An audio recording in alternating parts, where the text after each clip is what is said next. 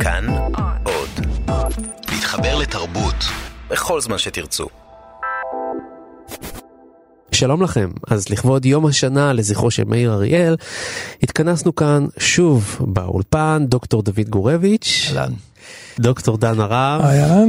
ואני יונתן גת, והיום אנחנו רוצים להגיד עוד כמה מילים על גיבור התרבות שלנו, אנחנו כבר הקדשנו לו שתי תוכניות של גיבור תרבות, אתם מוזמנים להאזין בפודקאסט שלנו כמובן, והיום אנחנו רוצים לדבר על שני שירים שלא הספקנו לעסוק בהם בתוכניות. את השיר הראשון אני רוצה שנשמע במלואו, ואז נדבר עליו, קוראים לו מונליזה בבנק.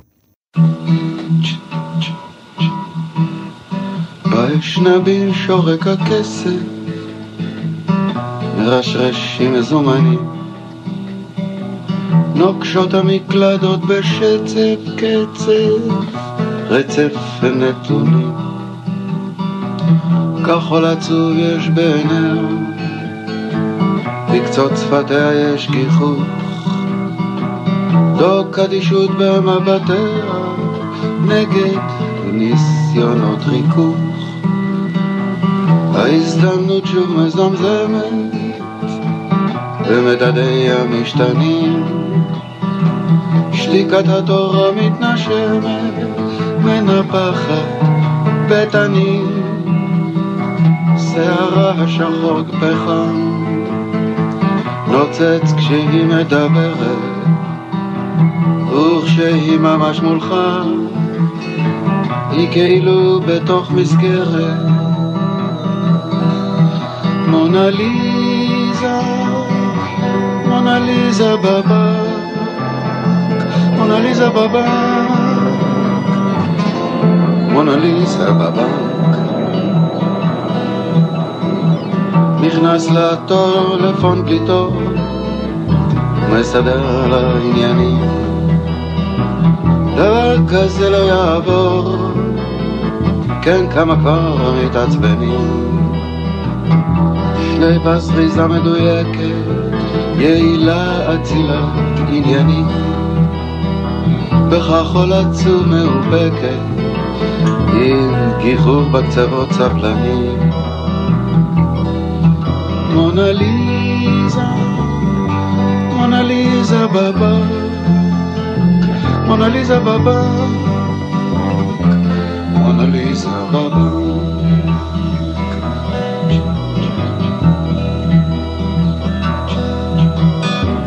טקס פתיחת קצפת מצביע על מגמה יחדיו עם צליל קובה נשלפת צליל זרם תזרים הזרמה. לא פעם על טוב ויתרתי אך לא ויתרתי עליה. בין הטפסים הסתתרתי להיות בין אצבעותיה אבל היא לא מבזבזת זמן יקר משחקים ודוק אדישות מרמזת עסקים ילד, עסקים יד אחת סופרת כסף יד שנייה על מקשים. או כנרידה אפרכסת במגוון היצעים וביקושים. מונליזה, מונליזה בבנק, מונליזה בבנק, מונה לי את זה בבנק.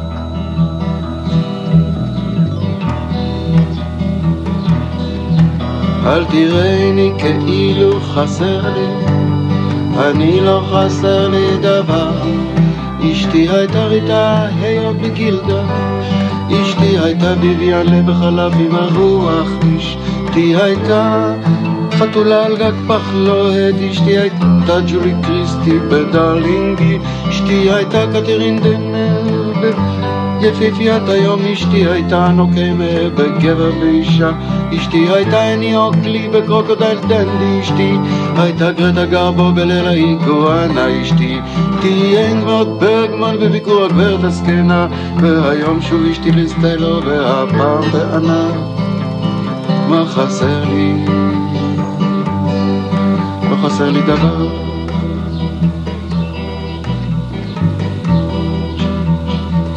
רחש לחש קונים אורחים, החזקות נכסים, מבטים בגבי דוקרים, בנק זה לא בשביל יחסים. עוד רגע אני באשנר, והנה כבר גומרת. אני עובר והנה אני שב, עובר ושב אל המסגרת. של מונליזה, מונליזה בבא, מונליזה בבא, מונלי את זה בבא, מונליזה, מונליזה בבא, מונליזה בבא, מונלי את זה בבא.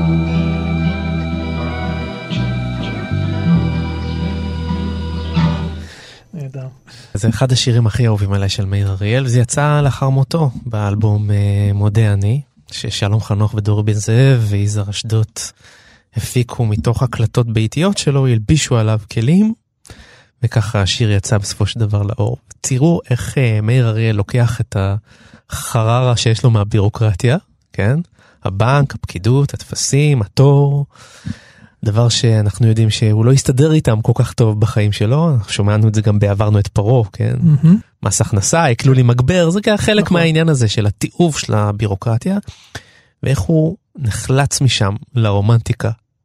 הדרך נכון, שלו לברוח. באמת אה, מהמונה לי, כלומר מונה לי את הכסף, את השטרות המרשרשים של מכונת הזאת שמספקת השטרות למונה ליזה, וממונה ליזה שזה עולם של מרחב של אומנות, הוא נכנס לאיזו הזיה פרטית, ואז הוא ממש במין, במין, הייתי אומר, בגלישה כזאת, ורטיגו כללי, על כל הקולנוע ההוליוודי שהוא שמע וראה, מי הייתה, ריטה הבוט, ואחר כך אה, סרטים אחרים, וגילדה ומה לא, כל הסרטים ההוליוודים המפורסמים, הדיבות הגדולות, והדיבות הגדולות של הקולנוע, זה משווה אותם לדיבה של לאונרדו דה וינצ'י, אותה חיוך מפורסם של מונליזה, מאוד סרקסטי, כי מה שהוא מקבל פה זה פקידה. הפקידה הזו שמעצבנת אותו. במקום להתעצבן, כמו שאתה אומר, אז הוא נכנס לעולם של הזיות פרטיות משל עצמו, ופותר לעצמו את הבעיה. אני מאוד אוהב את הגישה הקולנועית בשיר הזה. אני כן. חושב שהוא ממש, אה, לא, לא במקרה, הוא, הוא, אתה יודע, הוא, הוא, בונה, הוא בונה פה איזה סיפור, הוא עומד בתור, יש את המסגרת הזאת שהבנק, שה... פקידה יושבת והוא מתבונן עליה מהתור הזה, מהתור הזה הוא מתקדם לאט, הוא הולך לאט, כדי ש... הכל זה מין סיטואציה כזאת של זמן קולנועי, פה הוא חותך פתאום לכל מיני נשים אחרות, דיבות גדולות בקולנוע, mm-hmm. מין שורה ארוכה של דיבות שהופיעו ב, בסרטים הגדולים, והכל זה, זה בעצם אנחנו חיים בסרט, ב, ב, ב, הוא, הוא, הוא מכניס את עצמו לסרט, כן. בדיוק מה שאתה אמרת, בגלל שהיום יום הדכאני, הדבר הזה שמחייב אותנו כל הזמן לעמוד בתורים ולעמוד בהתחייבויות, ו, ו, ו, ו, וכל הסיטואציה הזאת, מחייבת אותנו, אותו בוודאי, להסתכל על הדברים כסוג של סרט. אני חושב שהוא מצליח להעביר לנו את זה כבמאי מוכשר, כן? ממש לספר סיפור שאנחנו מרותקים לראות לאן זה ממשיך. זה, זה כלום, זה, זה בנליה של יום יום שמסופרת לנו כסרט עם פנטזיה, עם פלשבק, עם, עם, אה, עם, עם אה, דמויות, mm-hmm. עם ציפיות, עם מתח, כל זה נמצא בשיר הזה. אני חושב שהשיר הזה גם כן שוב פעם מדגים את, ה... את הסוד הכתיבה של מאיר אריאל. הוא כל הזמן מתאר אופציה, תמיד יש אופציה למשהו אחר.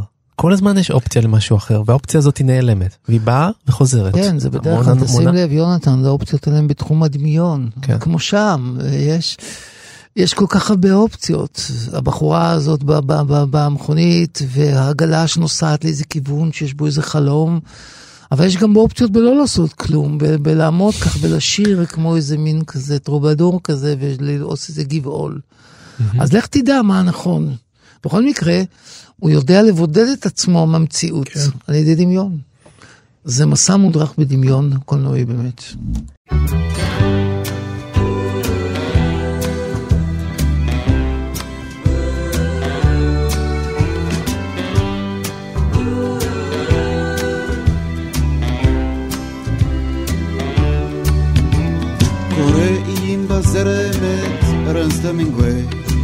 תרגם את זה יפה אהרון אמיר. אז עוד מעט הוא יצחק אותה למיטה הרחבה שלו, והוא אחד העצובים בעיר. הוא כבר איבד שלושה בנים, אז הוא עובד כאיש ביון, וזה מלחמת העולם הכי שנייה. יושב בבר שבהוואנה, לא חולם שהוא יפגוש בה כאן, את זאת שכבר שנים ההן שנייה. חופשה של ארבעה ימים, זונה זקנה שותה איתו, רוצה סיפור ושיכניס בו אהבה. הוא מספר לה על הונג קונג וכל הסיניות שלו, פתאום נכנסת היא מדי צבא. נפלו איש על צברי שי בדרנית של חיילים, אבל הלילה היא שלו, אם הוא רוצה. הייתה אשתו הראשונה, והם עכשיו נוסעים אליו. אני עכשיו אל השמירה יוצא.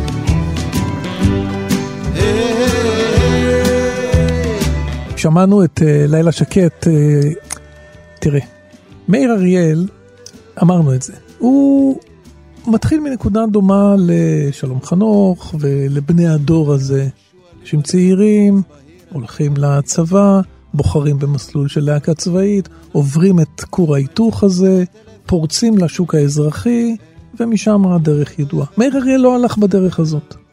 ובעצם הוא לא היה חייל בלהקה צבאית, הוא עבר את המלחמה על בשרו. הוא עבר את uh, מלחמת ששת הימים, הוא עבר את מלחמת יום כיפור, וכשהוא מתייחס לחוויה הצבאית, זאת חוויה צבאית שונה לגמרי ממה שאנחנו מכירים בתוך הקורפוס, הייתי אומר, של שירי הלהקות הצבאיות. הוא מביא לנו פה משהו אחר לגמרי.